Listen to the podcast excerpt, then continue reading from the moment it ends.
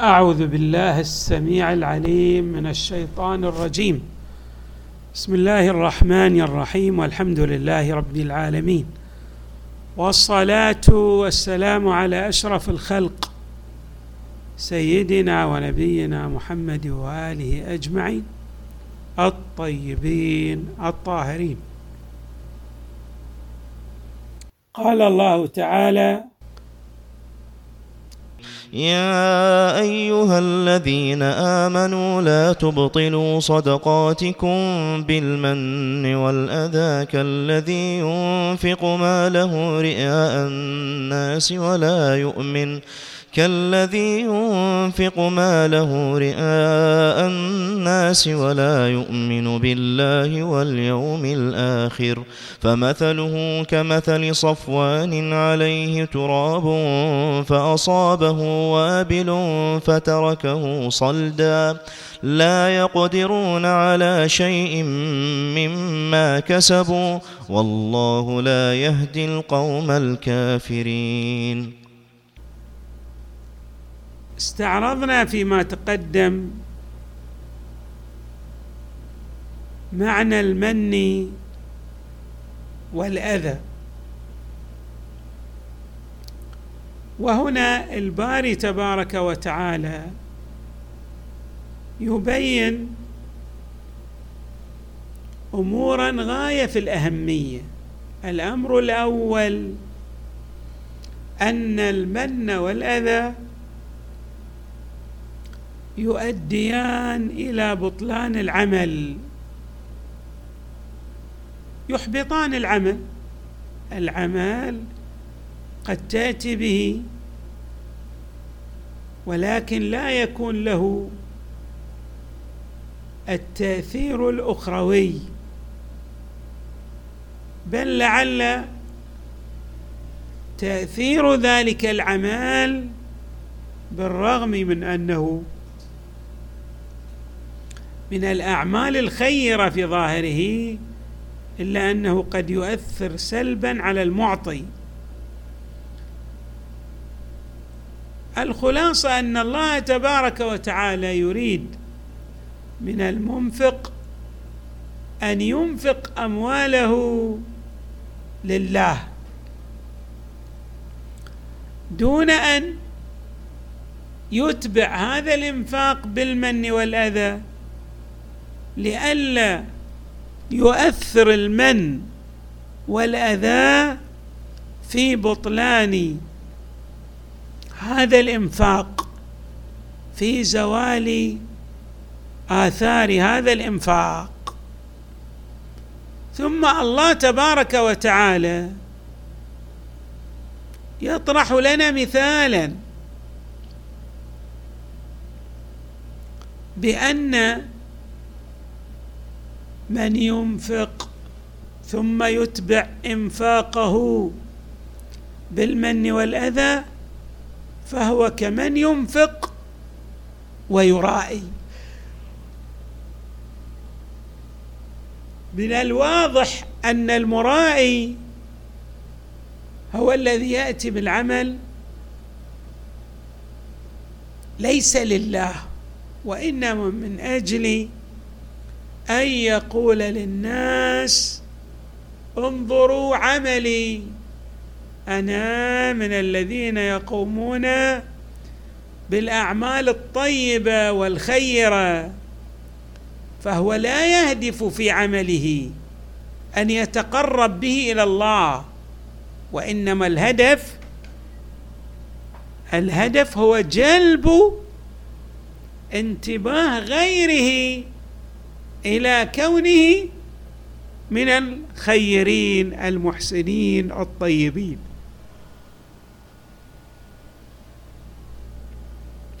اذا الذي يتبع الإنفاق بالمن والأذى كالذي ينفق ماله رياء.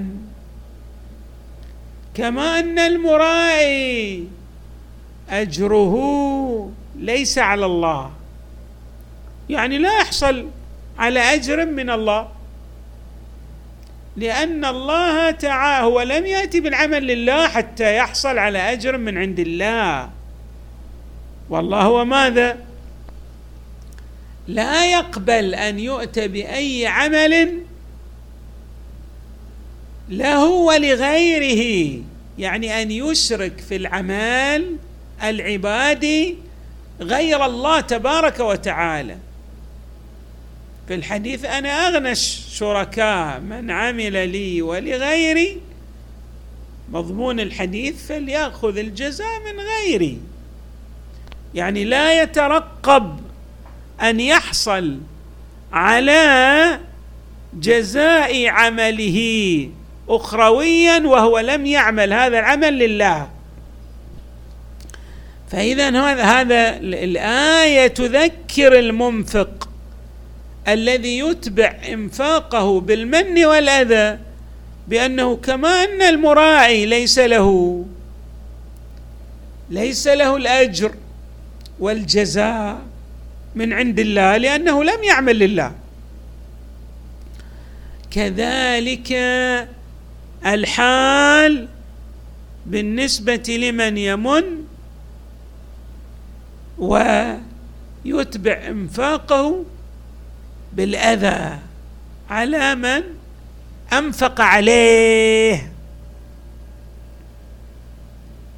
طيب. الله لماذا جاء لنا بهذا يعني تقريب صورة الإنفاق الذي يستتبع المن والأذى؟ بالإنفاق رياء. ها. الله يريد أن يقرب لنا الصورة. ويقول في الحقيقة هذا عندما يمن ويؤذي فهو لا يترقب أجرا من عند الله. هو أعطى من أجل مقاصد أخرى. يعني كما نعبر روح العمل الذي أتبعه بالمن والأذى. جوهر العمل كجوهر العمل الذي يقوم به المرائي. قد يختلفان من ناحية الظاهر ولكنهما يتحدان من ناحية الجوهر. فكما أن المرائي يقصد غير الله فمن يمن ويؤذي بإنفاقه فهو يقصد تلك المآرب التي تدور في خلده ويريد أن يحقق بها يعني بالإنفاق تلك المقاصد التي ينظر إليها.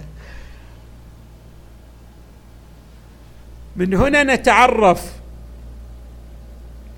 على المعنى الدقيق لقوله تعالى كالذي ينفق ماله رئاء الناس ثم الله تبارك وتعالى أيضا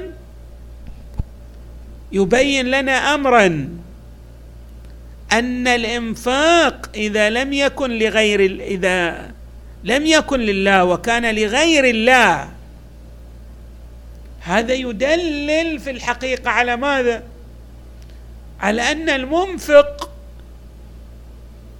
لم يتصف بالإيمان الحقيقي الذي يدعوه للإنفاق في سبيل الله.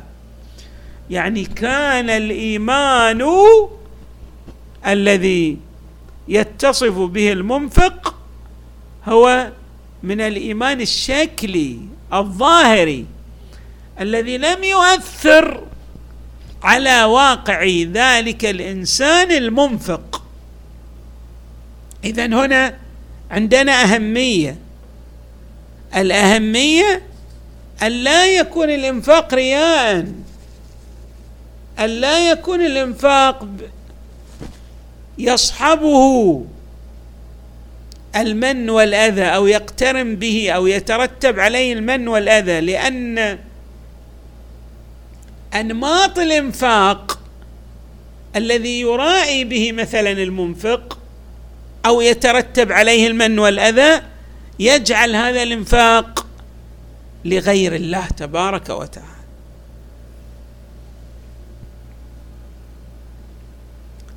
بعد ذلك يعني هذا ما آمن بالله في الحقيقة ايمانا عمليا.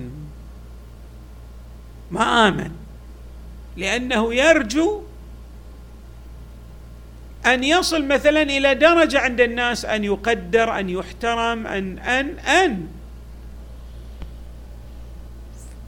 كما ان ذاك الذي من على المنفق عليه أيضا كان كانت هناك غايات في نفسه وكان يسعى من أجل تحقيق تلكم الغايات. فهما كلا الاثنين المراعي ومن سعى أو من جعل إنفاقه يتعقبه المن والأذى كلاهما غير مؤمن إيمانا عمليا قد يكون لديه إيمان نظري. لكن الإيمان العملي الذي يجر الإنسان نحو العدل والقيم والفضيلة والتعلق بالله تبارك وتعالى هذا لم يتحقق له. فيما بعد أيضا يقرب لنا الحق تبارك وتعالى امرا هاما. ما هو هذا الأمر الهام؟ هو أنه يقرب لنا صورة الإنفاق الذي لا يترتب عليه الأثر. بهذا التصوير شخص عنده ماذا؟ صخرة. صخرة. وهذه الصخرة وضع عليها شيء من التراب. ثم ألقى في هذه الصخرة أو على التراب الذي على الصخرة ألقى ماذا؟ ألقى البذور. فجاء المطر الغزير على هذه الصخرة التي ماذا؟ عليها شيء يكسوها من التراب وأيضا وضعت في على هذه الصخرة أو أو تحت التراب الذي يعلو هذه الصخرة وضعت البذور. عندما جاء ذلك المطر هل يا ترى استفاد مثلا؟ ذلك الشخص الذي وضع التراب على الصخرة هل استفاد الفائدة المرجوة؟ في الحقيقة المطر عندما جاء وكان قويا. ماذا سيعمل في هذه الصخرة المكسوة بالتراب والتي فيها بذور؟ ماذا سيعمل المطر؟ راح اولا يبعثر هذه التربة. بعد وسوف أي وأيضا سيبعثر تلك البذور التي وضعت على الصخرة ثم غطيت بشيء من التراب يعني بمعنى أن البذور لن لن يكون لها قابلية النمو والحركة. لماذا لم يكن للبذور القابلية للنمو والحركة؟ لأنه وضعت البذور في غير مكانها المناسب. البذور المفروض أن توضع في التربة الخصبة ويحافظ عليها. هكذا الحال أيضا الذي يتبع صدقته بالمن والأذى. في الحقيقة فقد الشيء الكثير. فقد ما كان ينبغي أن يحققه من مقاصد لنفسه. ما هي هذه المقاصد؟ هي أن يكون الإنفاق يترتب عليه ذلك الرضوان الإلهي. والجزاء الذي لا ينقطع غير ممنون. ولكنه أخطأ في مجيئه بالعمل وقد قصد بالعمل الرياء أو قصد نقول غير الله فلم يترتب على ذلك العمل